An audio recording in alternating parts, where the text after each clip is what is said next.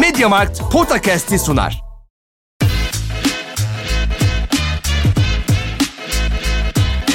Potakast. Kaan Kural ve Orkun Çolakoğlu'yla NBA gündemine haftalık bir bakış.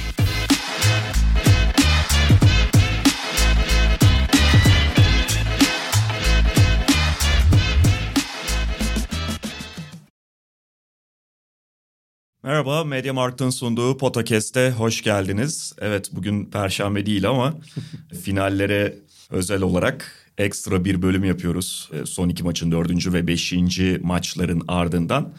Bir sonrakinde zaten artık seri bittikten sonra yani altı mı olur yedi mi olur? Serinin final maçından sonra şampiyon belli olduktan sonra yapacağız. Hoş geldin Kaan abi. Hoş bulduk. Yani özetle sondan bir önceki, sezon finalinden bir önceki program bu. Evet gerçi transfer falan bazen ekstralar da çıkıyor. olabiliyor. Onlara bakarız ama en azından yani basketbol oynanan sezonun finalini bir sonraki programda yapıyor olacağız.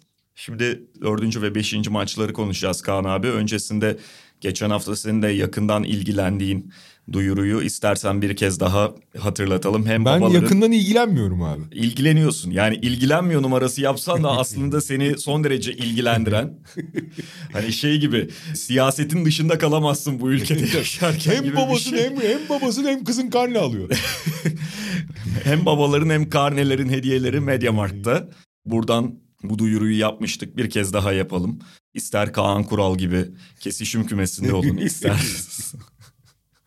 sadece karne hediyesi alıyor olun. Herkesi ilgilendiren bir durum. ah kolay gelsin diyelim. Yani babalar, baba, baba olmanın zor olduğu günler bunlar. Babalar günü olmasına Baba rağmen. olmak ne zaman kolay oluyor zaten. Doğru söylüyorsun. Peki çok enteresan iki maçı geride bıraktık. Dördüncü ve be- beşinci maçlar her ikisinde Golden State kazandı ve seride 3-2 öne geçti. Aslında bir önceki podcast'ten sonra böyle bir şeyin yaşanacağı aşağı yukarı belliydi çünkü. Biz sahada gördüklerimiz ışığında e, yani Golden State bir daha maç alamaz falan demedik de biraz şey konuşmuştuk. İşte Stephen Curry nereden destek alacak? Curry dışında bu takım dribbling üstünden Golden State dribbling üstünden üretemiyor ve Celtics gibi son derece versatil ve çok iyi bir savunmaya karşı bu tıkanıklığı yaşıyorlar. Bu çok ortada.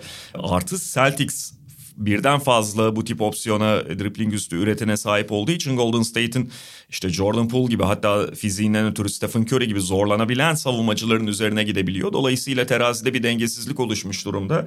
Hani Warriors bunu acaba nasıl kapatabilir? Stephen Curry 3. maçta mesela ilk 3 periyodu çok iyi oynadı. Onu bir daha tekrarlayıp bir de dördüncü periyoda yayabilir mi gibi sorularımız vardı. E, dördüncü maçta yaydı. Onu Yani. gördük. Beşinci maçta Stephen Curry devrede değilken bu defa çok farklı şeyler oldu. Bu bakımdan fazlaca enteresandı. İki maçın hani ister ilk olarak genel bir özetini yaparak başlayalım abi. Ama ikisi farklıydı dersen de önce dört sonra beş şeklinde de gidebiliriz.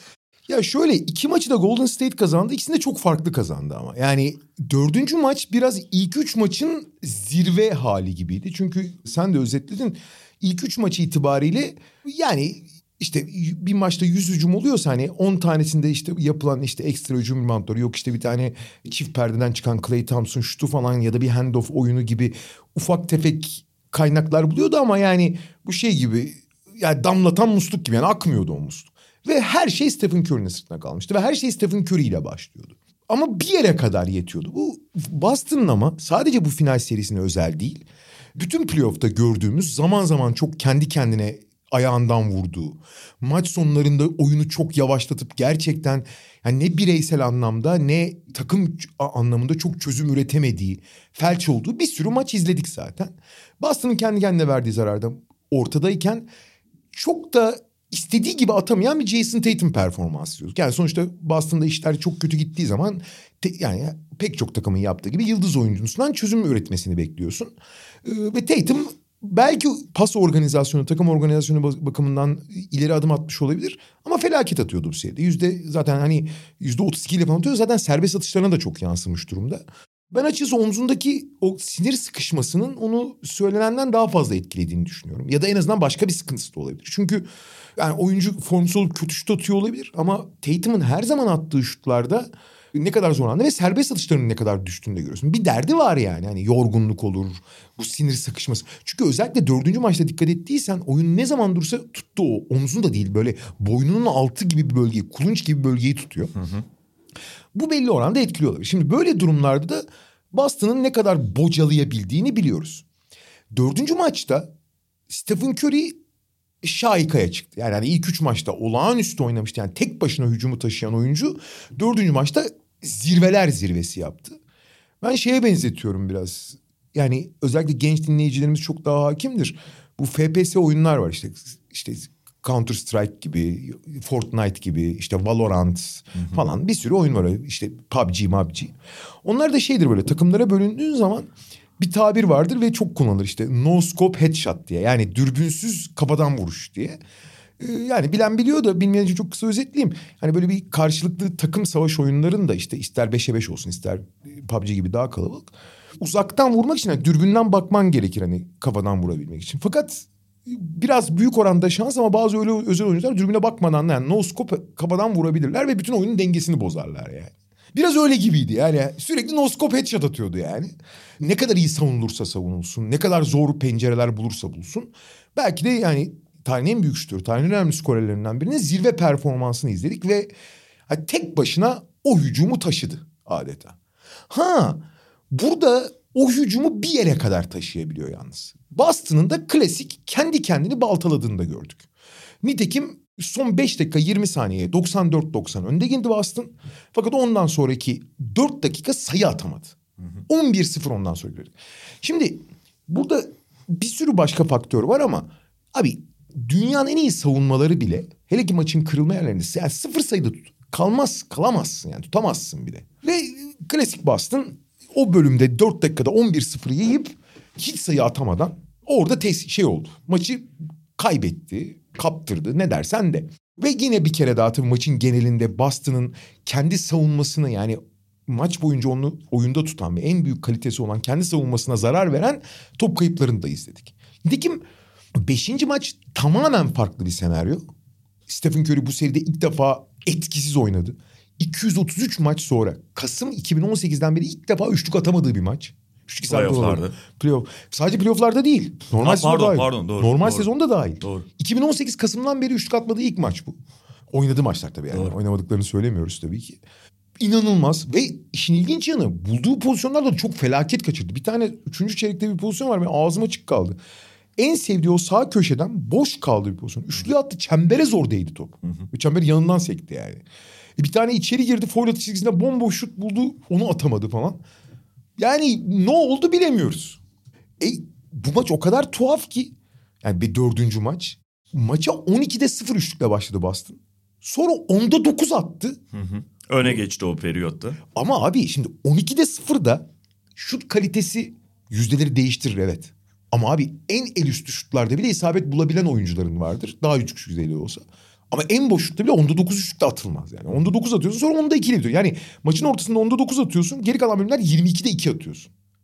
Ya bu Boston olduğu için hani çok şaşırtmıyor belki ama yani tuhaf ötesi bir durum. Bu arada Warriors'ın da 14'te 0'ı var. Celtics'in ritim bulduğu yerde. Evet. Yani onlar maç boyu kötü attılar gerçi ama onların da arada bir 14'te 0'ı vardı. Sonra Klay Thompson üst üste 2 soktu. İşte Jordan Poole sokmaya başladı. Ve üçüncü çeyrekte bütün seride üçüncü çeyreklere hakim olan Golden State yani üçüncü çeyrekte ortalama 16 sayı fark yiyordu. Bu sefer Bo- Boston Evet. üçüncü çeyreğe hakimdi. Çeyreğin sonunda yalnız bu seride çok etkili olamayan Jordan Poole'un devreye girdi. Clay bu arada hayatta tuttu takımı. Aha. Üçüncü çeyrekte hiç kimse çünkü bir şey yapamazken başta Curry olmak üzere. Sonunda da Poole tekrar denge getirdi. Ama gidip gelip abi değişmeyen bazı şeyler. Abi Boston'ın top kayıpları yani sadece bu seri için değil. Yani bu playoff için en büyük derdi oluyor. Ve rakipler açıkçası Boston'ı nasıl top kaybına zorlayacağını seri içerdikçe daha da iyi öğreniyorlar. Birincisi mesela Jalen Brown'un driplingi. Yani top hakimiyeti sorunları olduğu için sürekli saldırıyorlar ki bu serinin şu ana kadar Boston'ın en iyi oyuncusuydu. Ee, bu üç, dördüncü maçta yani üçüncü ve dördüncü maçta değişmeyen özellik. Ve o top kayıplarından açık sağ buluyorlar. Çünkü yarı sahada çok zor sayı buluyorsun Boston'a karşı. Açık sağ buluyorlar. İlginç olan bu iki maçta Steve Kerr bir taktik değişiklik yapmıştı. Otto Porter Jr. ile başlıyordu. İlk maçta hiç iyi sonuç yani daha doğrusu üçüncü ma- e, pardon dördüncü maçta hiç iyi sonuç vermemişti. Çok daha iyi başlamıştı Boston. Bu maçta da çok iyi sonuç verdiğini söylemek güç ama Boston Kevin Looney sahada değildi. İlla boyalı alana girelim ısrarından istediği verimi aldı. 12'de 4 attılar boyalı alanda. Zor şutlar attılar kalabalıkta attılar falan ama çok da düşük yüzdeyle atınca kontrol tamamen orada Stephen Curry devreye girmemesine rağmen Boston'a şey Golden State'e geçti. E, maç sonunda da yani Curry devreye girmemesine rağmen harika bir Wiggins performansı. Yani değişmeyen ne ne değişmedi dersen 5. maçla diğer maçlar çok farklı. Ne değişmedi dersen Boston'ın top kayıplarından kendine verdiği zarar değişmedi ve Wiggins'in dengeli oyunun iki tarafında oynayan performansı değişmedi.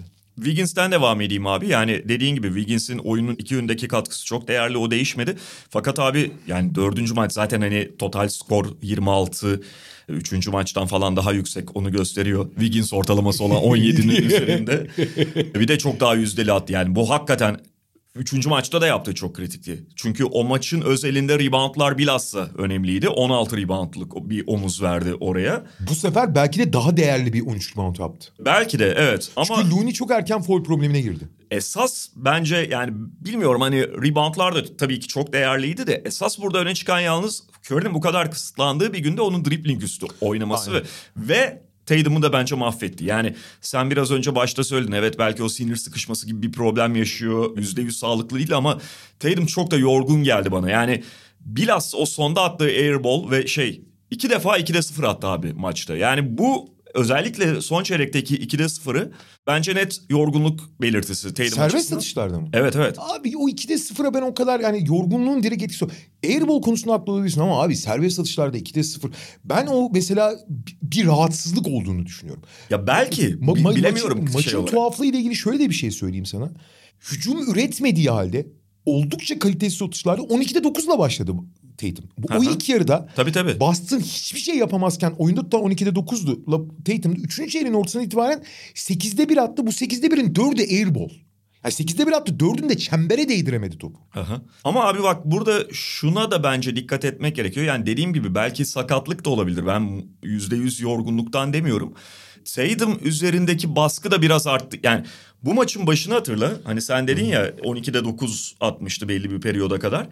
Şey çok önemli. İlk 6 dakika galiba hani kenara geldi. 6. dakika civarı kenara çekti onu Ime Udoka. Şut kullanmamıştı. Kullanmamıştı evet. Yani kullandırmadılar. O kadar baskı altında oynuyordu. Sonra bir ritim buldu. Ya sonuçta bir savunma da ne kadar efektif olursa olsun ya da neye karar vermiş olursa olsun 48 dakika aynı planı uygulayamayabiliyor. Orada kaçaklar olabiliyor vesaire. Oyuncu ritim bulabiliyor. Her neyse. Fakat maçın başındaki o baskı sonrasında Tatum ritim buldu ama özellikle Wiggins'in birebir savunmada onu çok yıpratması bence maçın sonunda epey etkiledi. Yani o airball artı serbest atışların dışında bir iki driplingle geçmeye çalıştığı şeyde de gitmiyor gibi hissettim ben Tatum'u. Wiggins'in çok hakkını veriyorum muazzam oynadı. Yani reboundlar artı birebir savunma artı hücum tıkanıyorken ya Stephen Curry tıkanmış daha ne olacak hücuma hü- hücumun başına daha ne gelebilir? Andrew Wiggins o delikten çıkardı onları. Tabii ki Gary Payton'ın falan da çok önemli katkısı var ama Wiggins bir de sıfırdan yarattı. Yani mesela Gary Payton bir pozisyonu bitiriyor genelde. İşte Draymond Green'in ilk yarıdaki 8 sayılık katkısı da önemli ama Wiggins hiçbir şey ortada yokken zayıf şeyin üstüne Derek White'ın üzerine falan saldırarak bayağı açtı Golden Ve State'in potaya çok gitti. Evet evet. Robert Williams varken bile gitmekten çekinmedi bu arada. Robert Williams varken çünkü çember savunması çok daha yükseliyor ama orada gitti. Şey de çok önemli. Şimdi ev sahibi avantajı dediğimiz şey aslında Boston'ın işin içinde olduğu bir senaryoda o kadar da geçerli olmuyor. Çünkü Boston'ın iç saha dış saha performansı çok fazla değişmiyor açıkçası ki bu playoff boyunca gördük. Hatta dış saha performansı daha iyi iç sahada. Fakat Golden State için bir önemi var bunun. Ve bu beşinci maçın yani her şeyin tersine döndüğü, Curry'nin atamadığı, Boston'da işte Tatum'un iyi başlayıp kötü bitirdiği, yani hiçbir şeyin olmadığı bir maçta bu tip hani hiçbir şey üretilemeyen ve açıkçası serinin en kötü maçı. Kötü maç yani. Hani çünkü evet savunmaların falan büyük payı var bunda hiçbir şey demiyorum vesaire ama abi şimdi bu seviyedeki hücumlar yani bu seviyedeki beceriksizlik diyelim e, savunmayla direkt yani direkt savunmayla açıklanacak bir durum değil. Kötü oynanan bir maç bu. Fakat böyle durumlarda daha kalitesiz, daha zor durumlarda sorumluluk almak iç sahada çok daha kolay oluyor rol oyuncuları için. Ve burada işte mesela bu seriye hiç giremeyen, bu seride çok zorlanan Jordan Poole'un o üçüncü çeyrek sonunda devreye girebilmesi. Ha mesela aynı maç Boston'da olsa çok daha zor, ş- psikolojik olarak zor olurdu Poole için. Poole gibi bir E, şey örneğini de verelim. İkinci maçta da benzeri oldu. Evet. Yani senaryo aynı değildi ama yine Jordan Poole'un devreye girdiği bölümler var. Orada en azından şey vardı. Rüzgar Golden State'in arkasındaydı. Burada Rüzgar Boston'ın arkasındayken devreye yani daha rahat oynayabildi. Ve Gary Payton. Şimdi Gary Payton'ın önemi şu. Gary Payton olduğu zaman Golden State'in çok önemli birkaç açığını kapatıyor. Birincisi atletik olarak Boston çok daha atlet bir takım. O atletizmi Wiggins'le birlikte bir miktar dengeliyor. İkincisi birebir sonuçta çok daha yardımlı savunuyorlar. Çok daha zorluyorlar ama birebir kimse Jalen Brown'la eşleşemiyordu. Jalen Brown'la da eşleştirecek birini buluyorlar en azından ilk pozisyonda. Ve Gary Payton'ın sahada kalabilmesi lazım. Ama böyle durumlarda hücumda kendini iyi hissediyor ve özgüvenle oynayabiliyor olması onu iki tarafla etkili hale getiriyor ve sahada daha çok tutabiliyorsun. Bu maçta 8'de 6 ile 15 sayı attı. Yani böyle bir gitmeyen maçı ev sahibi olarak oynamak Golden State yani ev sahibi avantajının gerçekten onlar adına çok e, etkili olduğu bir e, senaryo oldu. Ben de bir şey ekleyeyim abi. Saydığın oyuncuların profilinde değil elbette ama Draymond Green'e de iç saha dış saha şu anda bence etki ediyor. Yani şey olmuştu Draymond Green. Gerçekten etkilenmişti bence üçüncü maçtan sonra. Çok çaktırmamaya çalışsa da genel onun duruşu böyle hani dayılanan. Lan bize bir şey olmaz biz neler gördük işte e, yuvalanmayla e, biz bozulmayız. Hatta ondan beslenen bir görüntüsü var. Fakat abi... E, Kör oturttu onu. kör oturttu. Yani bir kere hani seyirci baskısından e, Boston taraftarının üzerine oynamasından bağımsız olarak belki oyundaki dinamikler ve bir türlü hücumda katkı veremiyor olmasından ötürü kendi de bozuldu. Yani kör oturtmadan önce de Draymond Green'de o tedirginlik tereddüt hissediliyordu. Artı bence onu biraz şu podcast olayları falan da çok kafasını karıştırdı şeyden beri. Üçüncü maçın sonundan beri özellikle konuşulan o sen podcast yapıyorsun Celtics asistan koçları oradan tüyo ediyorlar. alıyor. yani sizi bozuyorlar bilmem ne. Biraz ona takılmış gözüküyordu.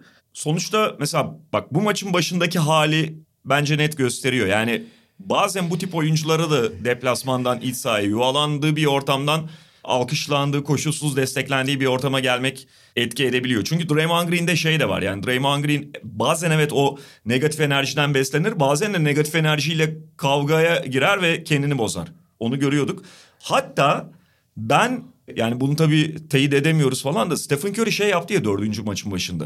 Bir ikinci üçlüğünden sonra falan mola aldığında Yudoka gitti ters taraftaki pota arkasındaki taraftarlara laf atmaya falan başladı. Normalde çok köre, köre hareketi değildir yani.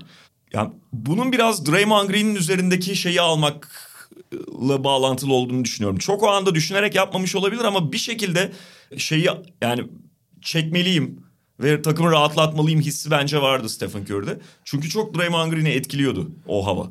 Boston seyircisi de Amerikan seyircisinin geneline nazaran çok daha yani Avrupa'ya daha yakın duran daha biraz daha ne derler sert mi dersin acımasız mı bas yani gerçekten bir Amerika'da hiçbir zaman Avrupa ile kıyaslamayacağım ama yani Amerika'nın en Avrupa'yı seyircilerinden biridir. Philadelphia, Boston. Yani bir holigan çıkacaksa oradan. Aa, çıkar ve yani arada zaten hani ya her takımda arada 10-15 kişi olur. Boston'da biraz daha fazladır o oran. Şey diyorsun ya 3-5 kendini bilmezin yaptığı hareket. 30 30 40 diye. Yani Boston'da o 30 40 hatta 300 400'e Şey, kadar diğer çıkar. takımları, diğer camialara mal edemezsin ama Boston'a mal edebilirsin. Orada daha fazlası. Yani orada da sonuçta az yani. Tabii, Hani Amerika tabii. sonuçta orası ama hani her takımda çoğu takımda 3-4 ise bazı takımlarda 30-40 ise Boston'da 300-400 vardır yani rahat. Ama o seyirciyi terse dönüyor. O seyirciyi hayal kırıklığına uğratmak çok daha büyük bir etki yaratıyor ki ya Curry öyle bir basketbol oynadı ki dördüncü maçta. Yani o seyirciyi ağzını kapattı yani. yani ağzının ortasına vurdu yani adeta. Draymond Green'e geri dönersek. Şimdi Draymond Green ikinci maçta etkiliydi ama ikinci maçta Golden State'in arkasındaydı rüzgar. Yani oradan beslendi vesaire iç saha vesaire. Bunların hepsinde hemfikiriz. Bu maçın başında çok daha aktif. Çünkü hücumda Draymond Green'in özellikle bu Golden State için konuşacağım. Çünkü eski Golden State'lerde Draymond Green ana oyun başlatan yani birincil aksiyonun ana aktörüydü. Bu Golden State'te birincil aksiyonun ana aktörü olmuyor. Yani asıl oyunu o başlatmıyor. Genelde ikincil aksiyonda işte kısa devrilmelerden falan mesela onu da yapar aslında. Ve hücumda böyle bir rolü vardı. Ama artık potaya hiç bakmayan bir oyuncuya dönüştüğü için hücumda ilk aksiyondan ikinci aksiyona geçemediği için Golden State Draymond Green direkt hücumda eksi yazmaya başlamıştı. Eksi yazdıkça işte bir sürü işte podcast dersin başka şey dersin kafasına girdiği için hani hücumu anormal baltalayan bir oyuncu haline dönüşüp spacing'i de büyük dert haline getiriyordu. Yani Evet. e, Curry'nin hayatını da zorlaştırıyordu. E bu durumda hani olağanüstü savunma yapmasını beklersin. Abi üçüncü ve yani konuştuk onu. Ya savunmada da çok büyük problemler falan. Yani hiç Jalen Brown durduramıyordu abi birebir de. Şimdi dördüncü maçta biraz daha savunma değil. Bu maçta özel ikinci yarıda hiç olmadı da ilk yarıda en azından hücumda nötr kalabildiği için artı değer katıp katmadığı biraz tartışılır. Gerçi bu maçta kim attı artı değer kattı? Wiggins dışında bir Gary Payton artı değer Valla kattı. bu yani. maçın özelinde devrede 8 sayı şey gayet iyi. Hani Çok ikinci yarıda bir şey atamadı ama ilk yarıda en azından 8 verdi sana.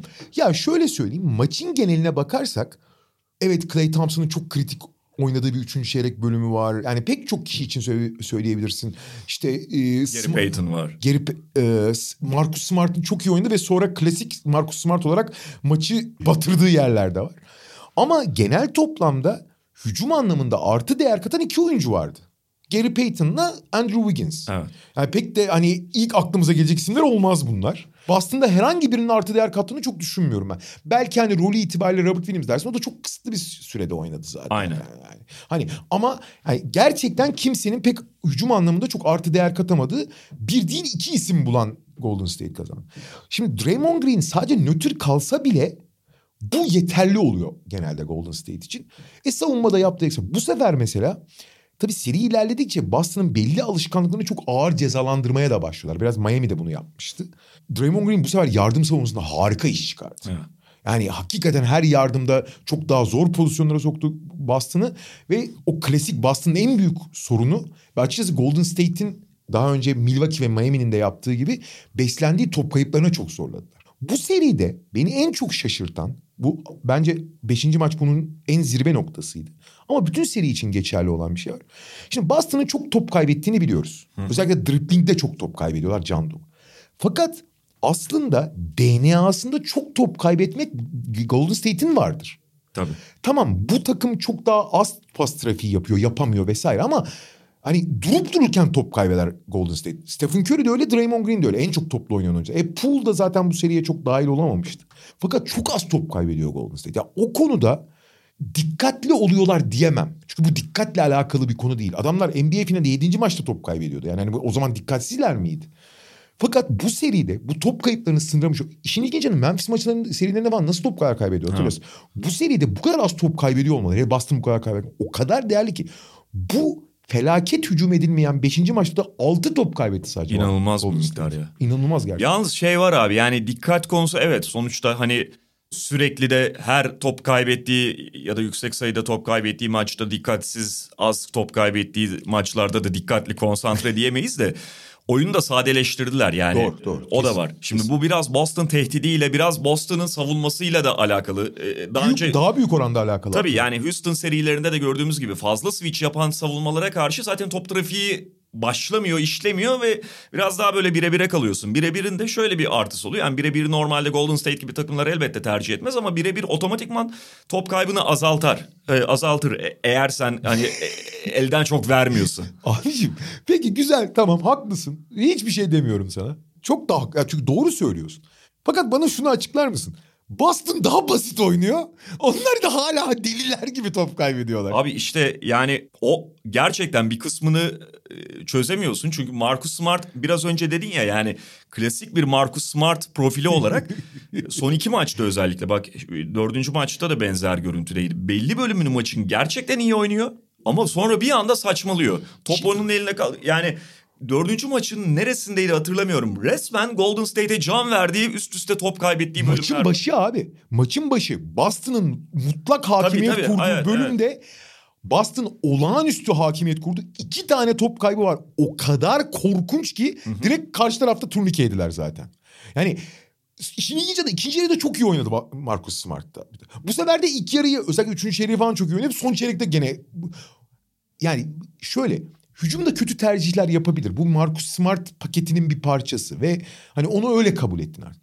Fakat savunmada bazı tercih hataları var ki onlar hani hakikaten çok hani hakikaten yakışmıyor. O kadar da değil yani. Hani Pool'u kaçırdığı bir pozisyon var. Bir pozisyonda işte klasik kendini yere atmanın büyük ustadı olduğu için Clay Thompson'a hücum foul yaptırmak için kendini yere attı. Boş Boş boşuna, boş boşuna üçlük verdi falan. Yani ama işte Marcus Smart paketinin çok can yakan yönleri bunlar. Öyle yani Orada iyi maç çıkardı. Yani o gerçekten bir pozisyondan daha büyük zarar veren hatalarını göz ardı etmeye çalışırsan belki de Boston'ın en iyisiydi aslında bu maçta. Evet ama işte yani totalde şu his yine oluyor. Bunu bu sezon bu playofflarda Boston'la ilgili çok söyledik.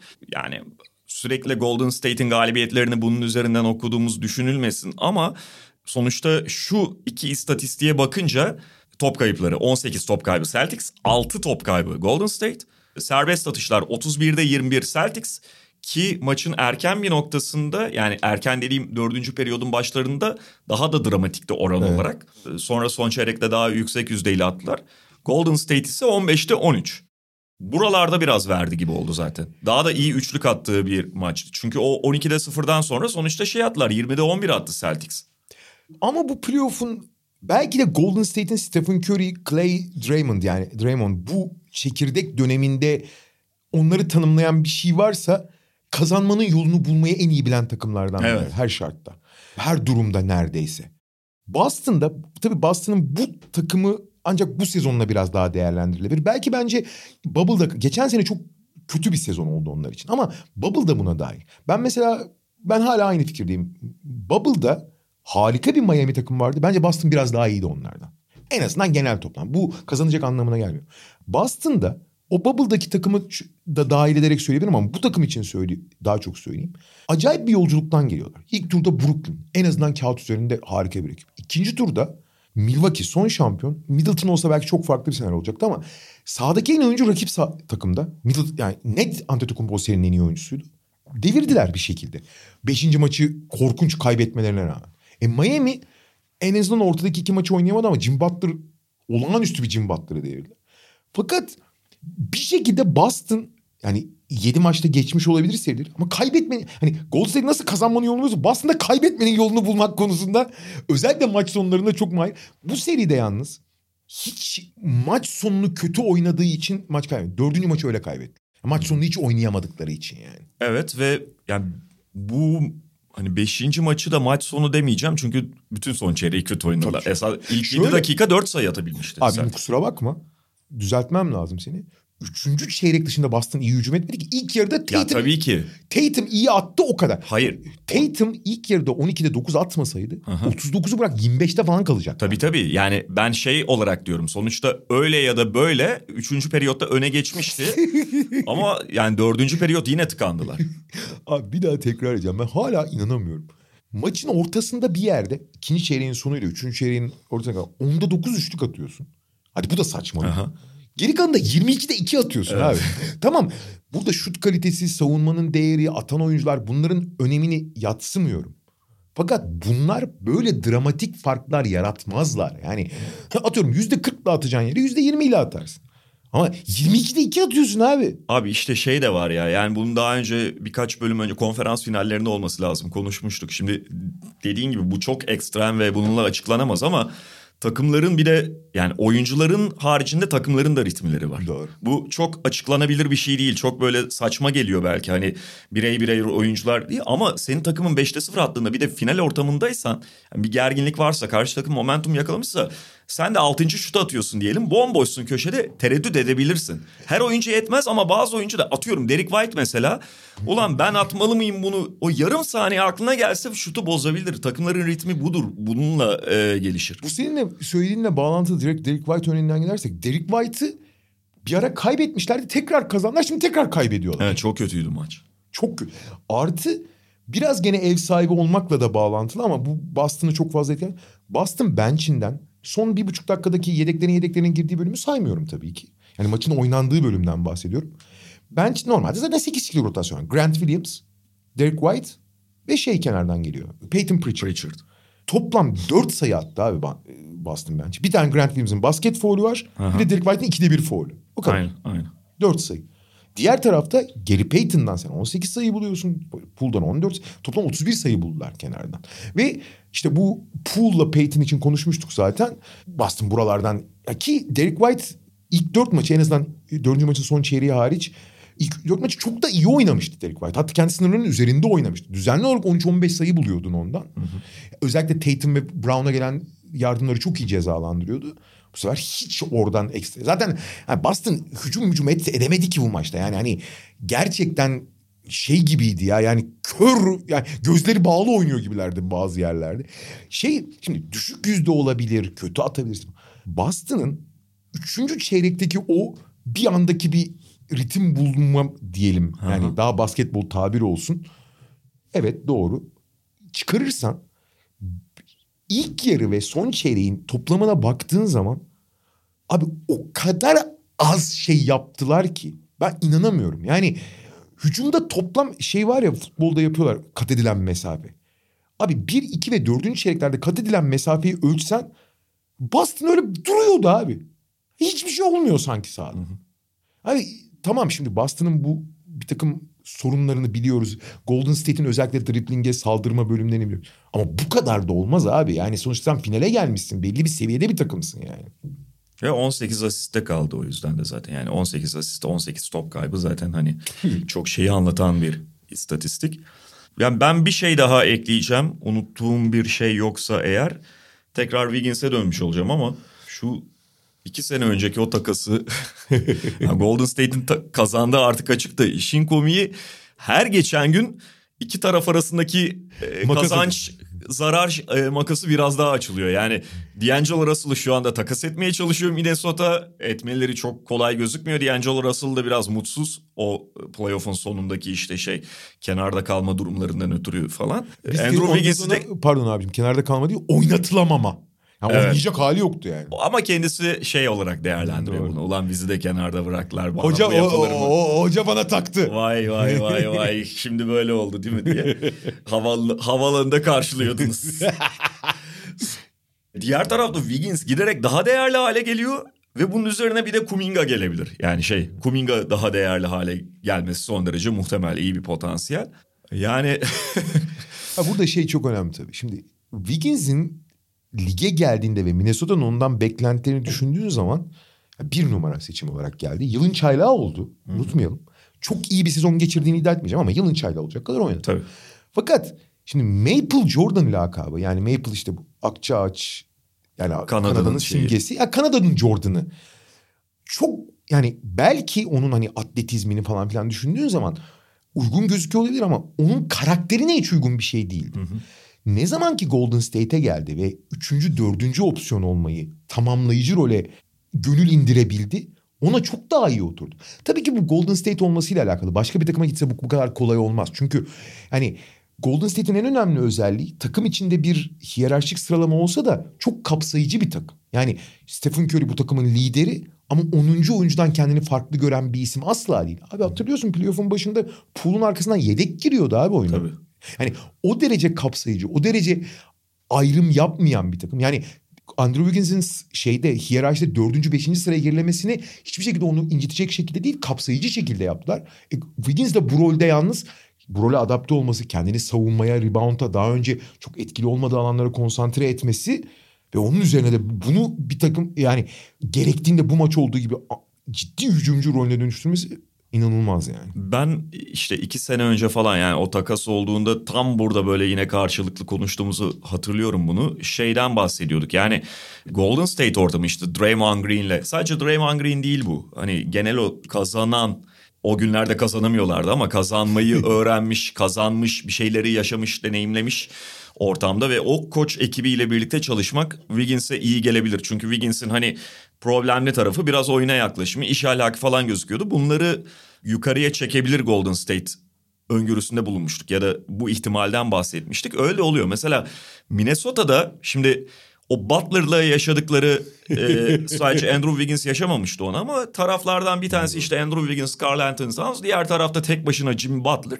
Şimdi o çok sağlıklı değil. Yani öyle bir ortamda şey tarafı Wiggins, Towns ve onların kafa fazlalıktayken Butler'ın bunlara diklenmesi bir fayda sağlamıyor oradan. Top Thibodeau'nun da kenarda durup ya birbirlerini yesinler or şey bırakın karışmayın kardeşim ne yaparlarsa yapsınlar diye. Tutmayın güç genişleyin. Aynen bu çok sağlıklı bir ortam değil Wiggins tipi oyunculara ya da Towns Towns'a da diyebiliriz. Towns'ta da gördük yani. Çünkü o zaman Butler tek başına köyün delisi gibi bunlara şey yapıyor. Horozlanıyor. Bunlar da birbirlerine hani yaslanarak biz haklıyız abi bu da bizim üstümüze geliyor tutumunda bulunuyorlar. Fakat Andrew Wiggins oradan çekilip böyle Golden State ortamına atıldığı zaman yani Golden State'de mesela aynı şeyleri yaptığını düşünmüyorum ama şimdi sağına bakıyor Draymond Green, soluna bakıyor Stephen Curry. Arkasına bakıyor sakatlık dönüşünde Clay Thompson. Bir sürü kazanan bilmem ne var. Yani profesyoneller var vesaire. Koç ekibi zaten başka ayrı ilgileniyorlar e, zaten. O oyuncuyu farklı terbiye ediyor. Ettiğinde gördük yani başka bir şeye dönüştü. İtmek değil çekmek lazım biraz. Galiba evet. Andrew Wiggins. Ee, şey de önemli yani en önemli sonuç yani Andrew Wiggins'in dönüştüğü oyuncuyu bıraktım. Andrew Wiggins'in en önemli sorunlarından biri Minnesota'da. Abi maç içinde mesela bakıyorsun Minnesota'daki dönemini hatırlıyorum. İşte mesela 15 sayı bir yerde atıyor falan ilk yarıda. Sonra hiç ortada yok. Yani sağ, oyundan çıktı zannediyorsun. Halbuki evet. maçın içinde oynuyor ama kayboluyordu. Abi Golden State bunu inanılmaz azaltmış durumda. Yani sürekli istim üstünde. Yani uyuyakalmaları, iyice kaybolmaları falan. Yani rolü içinde sürekli aktif yani. Evet Andrew Wiggins hakkında da böyle konuştuğumuza göre 6. ve yani olursa 7. maçlarda muhtemelen totalde böyle 25'te 4 falan atacak. Ama şey mesela bir de şunu da söyleyeyim. İlk bir buçuk ayı sezonun hani Golden State çok önemli. Andrew Wiggins de harika oynadı. Ondan sonra biliyorsun 3 ay falan facia oynadı Wiggins. Yüzde 45 ile mi 47 ile mi ne foul atıyordu o dönemde mesela falan. Şimdi tekrar özellikle yani 5. maçında net kahramanı yani. Ee, her maç Curry taşıyacak değil bu, bu sefer de Wiggins taşıdı takımı. Hücuma en azından. Ve Golden State şampiyonluğa bir adım kaldı. Ee, bakalım Boston 6. maça nasıl çıkacak? Psikolojik olarak ben çok sorun yaşayacaklarını o kadar düşünmüyorum. Çünkü yani ben o Milwaukee 6. Dep maçın deplasmanını oynadıktan sonra yani 5. maçı kendi elinle hediye ediyorsun resmen.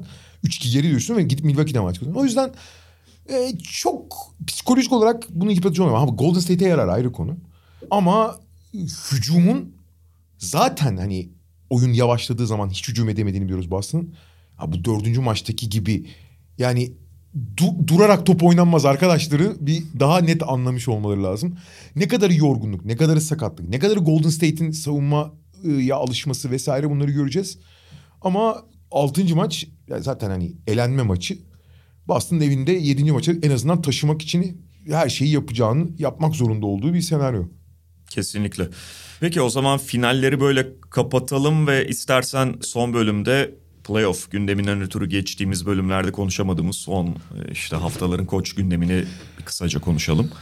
E, belli başlı zaten dört tane haber var. Hı hı. Quinn Snyder'ın Utah'tan ayrılışı, Mike Brown'un Sacramento'ya, Kenny Atkinson'ın Charlotte'a ve Darwin Ham'in de Lakers'a koç oluşu. Bunlardan bahsedeceğiz. İstersen Quinn Snyder'la başlayalım. Valla çünkü... Golden State'le başlayalım. Sahada 3 tane head coach var şu anda. Ya doğru. Kenny Atkinson Charlotte'a, Mike Brown Sacramento'ya gidiyor. Peki oradan başlayalım. İlk olarak zaten Mike Brown Sacramento belli olmuştu. Mike Brown da kaç yıl sonra Cleveland ikinci dönem ne zaman bitmişti o? 2010 hatırlamıyorum. 3 müydü neydi? 14 müydü ya da LeBron'un ikinci gelişinden önce bitmişti. Golden State'leri reputasyonunu onardı belli ölçüde. Yani ve sonuçta hani zaten çok üst profil bir takımla tekrar bir koçluk yapacaksa yapmay e, çok üst profil bir takımla bunun olmayacağı belliydi. Ama Sacramento hani şey olabilir, uygun olabilir onun için. O da Sacramento için uygun olabilir. Sacramento'nun bütün başka deliliklerinden ve tuhaflıklarından bağımsız söylüyorum bunu. Yani hocanın işi zor olacaktır o yapı içerisinde ama en azından Sacramento'nun temelde çok temelde aradığı şeyin biraz savunmada takımı geliştirmek olduğunu düşünürsek yıllardır başaramadıkları, aradıkları, başaramadıkları ve Mike Brown'un da spesiyalitesinin bu olduğunu düşünürsek e, çok da anormal bir tercih değil. Mike Brown için çalıştığı hep çok zor yerlere gitti. İyi iş çıkardığını söyleyemeyeceğiz oralarda ama e, yine çok zor bir yere gidiyor. Ve burada da yani abi şimdi Sabonis ile iyi bir savunma kurgulamak çok zor. Sabonis 5 mi oynayacak 4 mü? Yani Miles Turner gibi en iyi tamamlayacak oyunculardan biriyle olmadı. Hı hı. Ee, ya buraya en azından belli bir savunma alışkanlığı getirmek isteyecek. Yani savunmada vasatı bulmak yeter diyecek ama vasatı bulmak bile çok zor. Hele ki oyuncuların işte Darren Fox'un halini falan filan düşünüyorum. Sabonis'in oyuncu özelliklerini düşündüğün zaman e, yine çok zor bir yere gidiyor. ve başarıya en aç yere gidiyor. Belki de başarı standartının düşük olması bir, bir nebze bir avantaj olabilir. Çünkü yani playoff yapmak yeterli Sacramento için. Ligin en uzun süredir playoff yapamayan takım.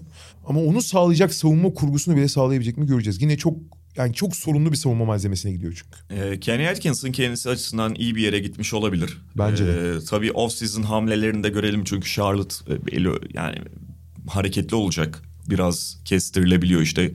Hayward'la ilgili falan ne karar verecekler, bir takasa girecekler mi beklentiler var ama Lamelo Ball önderliğinde zaten tempolu oynamaya çalıştıklarını düşünürsek ki Kenny Atkinson hani bunu yaptırabildiğini gösterdi, bunu tercih ettiğini gösterdi. İki oyuncu gelişimi konusunda da tamam artık head coach olarak birebir kendisi ilgilenmeyecek ama bunu yapmış bir koç. Dolayısıyla hani Charlotte ve Kenny Atkinson'da kağıt üzerinde çok mantıklı gözüken bir evlilik. Ve finale Mike D'Antoni ile kaldıklarını düşünürsek bence Charlotte açısından da çok iyi bir seçim. Çünkü Mike D'Antoni daha şöhretli. Hele böyle açık saha seven bir takımı hücum anlamında yönetmek için de iyi bir koç gibi gözüküyordu. Te- şey olarak teknik an- yani taktiksel anlamda. Fakat Kenny Atkinson kolay kolay taviz vermeyen hatırlayacaksın. Kyrie Irving ve Ke- Kevin Durant geldiği zaman yani takımın profili çok daha yükseldiği zaman Kenny Atkinson kendi affını istemişti görevden. Kovulmamıştı Kenny Atkinson. Abi bu, bu yani beni dinlemeyecekse oyuncular yani ben patron olmayacaksam daha uygun biri gelsin demişti. Ve burada da bence yani Mike D'Antoni'ye böyle bir seçime gitmek bu genç oyuncuların belli bir disipline edilmesi isteği olduğunu Mitch Kupchak ve Michael Jordan tarafında gösteriyor. Ki bence en önemlisi de bu. Charlotte çok heyecan verici bir takım ama açık ara ligin en disiplinsiz savunma yapan takımıydı. Lamelo tamamen serbest bırakılmıştı. Bu yaratıcılığını etkilese de kötü tercihlerini de artırıyordu. Bunları biraz dengeleyebilirse Kenny Atkinson çok iyi bir seçim ama net bir yani bir kere net bir çember savunucu olmadan olsa savunma olmaz. Zaten kötü bir savunma takımı. Rudy Gobert için en büyük aktörlerden biri olacakları söyleniyor. Niye Rudy Gobert? Çünkü Utah'ta çanlar çalıyor anladığım kadarıyla. Ee, yani çalıyordu yani zaten çalıyordu. Quinn Snyder da oradan affını istedi mesela artık. Aynen. Ben- Ve orası biraz galiba resete basacak gibi gözüküyor. Ya şey falan da enteresan mesela Donovan Mitchell'ın Quinn Snyder olayı resmileştikten sonra yaptığı daha doğrusu sızdırdığı açıklama bu belirsizlik ortamı beni rahatsız ediyor bilmem ne falan filan. Yani Quinn Snyder'ın ayrılacağı zaten belliydi. Bunu Donovan Mitchell'ın kestiremediğini ya da bundan haberdar olmadığını pek zannetmiyorum. Ama bir tane Utah'lı gazeteci onu yazmış da Andy Larson. Şey bağlantısı enteresan mesela. Donovan Mitchell CIA'in oyuncusu. Johnny O'Brien'i istediği haberi yapılıyor. Kim yapıyor? Andrew Wojnarowski. Johnny O'Brien, pardon Johnny Bryant eski Utah koçu.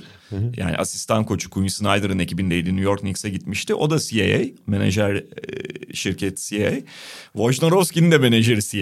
Yani Wojnarowski CIA'in basın sözcüsü zaten. acayip bir ağ var orada. Yani bence de Rudy Gobert de sırada Rudy Gobert var gibi gözüküyor. Biraz zaten hani bütün oklar onu göstermeye başladı. Donovan Mitchell çünkü sopayı sallar sallar ama orada Dwayne Wade falan da varken tercih edilen Donovan Mitchell olur. Donovan Mitchell'a tutunurlar. Artı yani Gober'de belki türünün en iyi örneği ama o tip bir uzunun yani Jokic ve Embiid gibi oyunu iki taraf yani daha doğrusu hücum tarafının bu kadar güçlü değilse ve yani klasik pivottan farklı oynamıyorsan o tip dünyanın en iyi çember savunucusu bile olsan biraz lüks konumuna geliyorsun maksimum kontratı aldığın zaman. E, Artı Donovan Mitchell'ı daha önce e, biraz abartılan bence yani o kadar olmasa da bir sorun olduğunu biliyoruz. Yani Gober hele değerliyken hele bu kadar pahalıyken pahalı ama değerliyken elden çıkarmak isteyecekler. Karşılığında yalnız çok fazla bir şey alamayabilirler. Yani bekledikleri kadar hani abi Gober veriyoruz karşılığında 3 tane draft hakkı falan o o kadar kolay olmayabilir çünkü maksimum kontratlı Gober. Ee, Quinn Snyder da yani aslında daha erken bu ayrılık kararını açıklayıp mesela Lakers'a gidebilirdi. Buradan Lakers'a geçeceğiz. Çünkü Lakers'ın onunla ilgilendiği zaten söyleniyordu. Fakat haberler şey yani o Lakers'la ilgilenmedi oradaki ortamdan ötürü. Çok da normal Quinn Snyder profilinde bir koç için bence bunu geri çevirmek, oraya e, atlamamak. Çünkü şu anda en talep gören yani saygınlığı en yüksek ve aslında çok da kaliteli koç yani. Yani çok takım ister. Her- en çok yazılan işte San Antonio'da şeyin halefi olacak deniyor. Ee, Greg Popovich'in. Bir sene dinlenmek istediğini söylüyor ki çok da makul de bir istek bence. Quinn Snyder her zaman revaçta olacaklar. Şu karmaşadaki Lakers'ı tercih etmemesi. Lakers her ne kadar NBA'nin en görkemli camiası olsa da şu haliyle kimse gitmek istemez bence. Yani korkunç bir durumda şu anda çünkü Lakers. Tabii. Ee, bir tane gerçi koç bulabildiler. Tam ona gelmeden şeyi de söyleyecektim. Utah için de hani sonuçta önceki sene lig birincisiydiler. Hani iddialı bir pencere vardı. Bu sezon o kadar iyi olmadı ama kötü bir takım değiller. Hani bu takımı doğru takviyelerle devam ama öyle değil. Yani onlar o pencereyi geçen sene kaybettiler bence. Yani bu Donovan Mitchell, Gober, Gober etrafına 4-3-4 ekleme vizyonuyla bir yere kadar geldiler. Bence o fırsatı Clippers serisinde kaybettiler onlar geçen sene. Ve bunun artık zaman geçmeden daha kötüye gitmeden resetlenmesi gerekiyor. Danny Ainge şu anda takımın ana karar vericisinun bu konularda da hiç elini korkak alıştırmadığını biliyoruz Danny Ainge'in. Bu arada bütün bu konuştuğumuz koçların, konuştuğumuz ve şimdi konuşacağımız Darwin Ham'in çok yakın zaman bağlantıları var. O da enteresan. 2011 12 ve işte lockout sezonu ve hemen ardından e, gelen 2012-13'ün başında Mike Brown'un ekibinde Quinn Snyder vardı. şey vardı. Darwin Ham asistanlardan biriydi. Sadece hani oyuncu gelişimi olarak o zaman yer alıyordu. Zaten Ettore Messina falan da vardı. Yani acayip bir koç ekibi. En zayıfı Mike Brown. evet abi. Abi bir ekip ya staff yaptık. Steve Nash'in geçen seneki ekibi gibi. Aynen. Şimdi sonra da o ekipten ciddi bir grup işte Darwin Ham, Quinn Snyder falan şeye katıldılar Budenholzer'a. Zaten şu an Kenny Atkinson da oradaydı. Hepsi Budenholzer ağacından devam eden koçlar. Darwin Ham de ya zaten yıllardır mülakatlara giren ve hani artık an meselesi bunun bir takım alması diye bakılan bir koçtu. Bu sene oldu Darwin Ham'in takım alması. Yani tabii bugüne kadar head coachluk yapmamış bir koçla ilgili olarak şöyleymiş böyleymiş diye en fazla belli bir yere kadar konuşabiliriz. Sahada görmek lazım. Fakat hani onunla çalışanlar ve yakından tanıyanlar şeyi söylüyorlar. Yani hani oyuncu olarak karşısındaki oyuncuya hükmedebilen bir iletişim şeyinin karizmasının yanı sıra bir de şeydir Darwin Ham diyorlar. Taktiksel anlamda da kendini geliştirmiş ve Budenholzer'a Milwaukee'de yardımcı olan bir koçtur şey var. Dediğim gibi zaten bugüne kadar head coachluk yapmamış biri hakkında sahadaki işini görmeden konuşmak doğru olmaz ama o da kendince böyle bir reputasyon oluşturdu asistanlığında. Valla şu ana kadar şöhreti bir kere çok en revaçtaki asistanlardan biriydi sen de söyle. Fakat esas şeyi şöhreti çok dürüst olduğu yani lafı eveleyip gevelemeden direkt söylediği ve buradan enerji aldığı o konuda hiç kimseye karşı geri adım atmadığı çok direkt bir iletişim yöntemi olduğu yönünde ve şimdi Lakers'ın ihtiyaçlarına bakarsan bence olabilecek en iyi senaryolar. Çünkü abicim taktik olarak kendini çok geliştirmiş olabilir falan. Abicim taktik mak ne? Lebron'un olduğu takımda... taktik- Bam bam bam diye. Bam yani taktik maktik yok bam bam bam. Yani Lebron zaten yönetiyor hücumu. Yani Lebron olduğu sürece de böyle olacak bu iş. Ve bunda bir sakınca da yok yani bunu kötülemek için söylemiyorum. Tabii ki yani koçun da katkısı vardır ama yani Lebron olduğu yerde, Lebron güçlü olduğu, iyi olduğu sürece Lebron'un etrafında şekillenir hücum. Ve onu da zaten belli bir seviyenin üzerine gider. E savunma kurgusunda biraz yardım belli katkıları vardır. O zaten paylaşılamıyor. Fakat esas mesele LeBron'un artık iyiden iyiye hani hem koç hem genel menajer hem de saha lideri olduğu senaryolarda istediği doğrultuda etrafında takım kuramazsan ya ki bu sene gördüğümüz gibi felakete gidiyor sene. Anthony Davis'i ikna etmek. Anthony Davis sürekli hadi evladım hadi koçum to oyna topunu falan demek. Şimdi çok gündeme gelen bir demeç var ya Anthony Davis şey demişti. 5 Nisan'dan beri topa dokunmadım demiş. Millet de çok eleştiriyor. Ya şimdi bunu çok fazla yani eleştirebilirsiniz de ya, bu abartacak bir tarafı da yok. Hani bir süre basketboldan uzak kalmak. Sorun şu ki aktif olduğu zaman sürekli yani saha içinde de canlı hayat veren bir Davis. Ve Davis de abi işin ilginç yanı kaç 2010 draftı mı Davis? Yani Davis artık 12. gen- gen- genç bir oyuncu değil. 10. yılına giriyor abi NBA'de. Tabii yani gelecek sezon içerisinde 30 yaşını doldurmuş olacak zaten. Ve hani sakatlık geçmişine falan bakarsan geçen seneki performansına onu sürekli istimüle tutmak, daha çok 5 numara oynatmak falan gibi senaryolar. Ee, Lebron'a gerektiğinde söylenmesi gerekeni söyleyebilecek. Aynen. Lebron bunu dinler mi ayrı konu. Westbrook'a bunu yapabilecek. Westbrook'u takas etmek için neden gene yapıyor. Yapabilecekler mi ayrı konu. Bunları yapacak bir koç lazım. Bence o açılardan Lakers çok sorunlu. Özellikle Davis yüzde yüz olmazsa sorunlar daha da büyüyecek.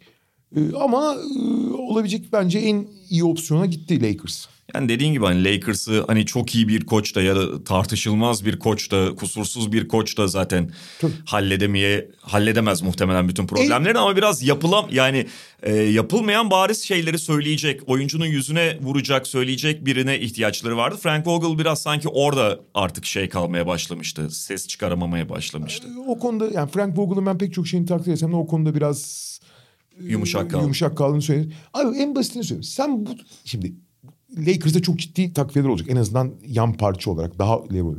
Fakat abi Eric Spoelstra gelse bu takımı bir anda şey mi yapacak yani? Hani şampiyon adayı mı yapacak? Yok öyle bir dünya yani. Aynen. Peki böylece koç trafiğinde konuşmuş olduk. Mediamarkt'ın sunduğu podcast'ten bugünlük bu kadar diyoruz. Tekrar görüşmek üzere birkaç gün içerisinde. Belki de haftaya o işte yedinci maça uzayıp uzamadığına bağlı olarak değişecek. Hoşçakalın. Hoşçakalın. Mediamarkt Podcast'i sundu.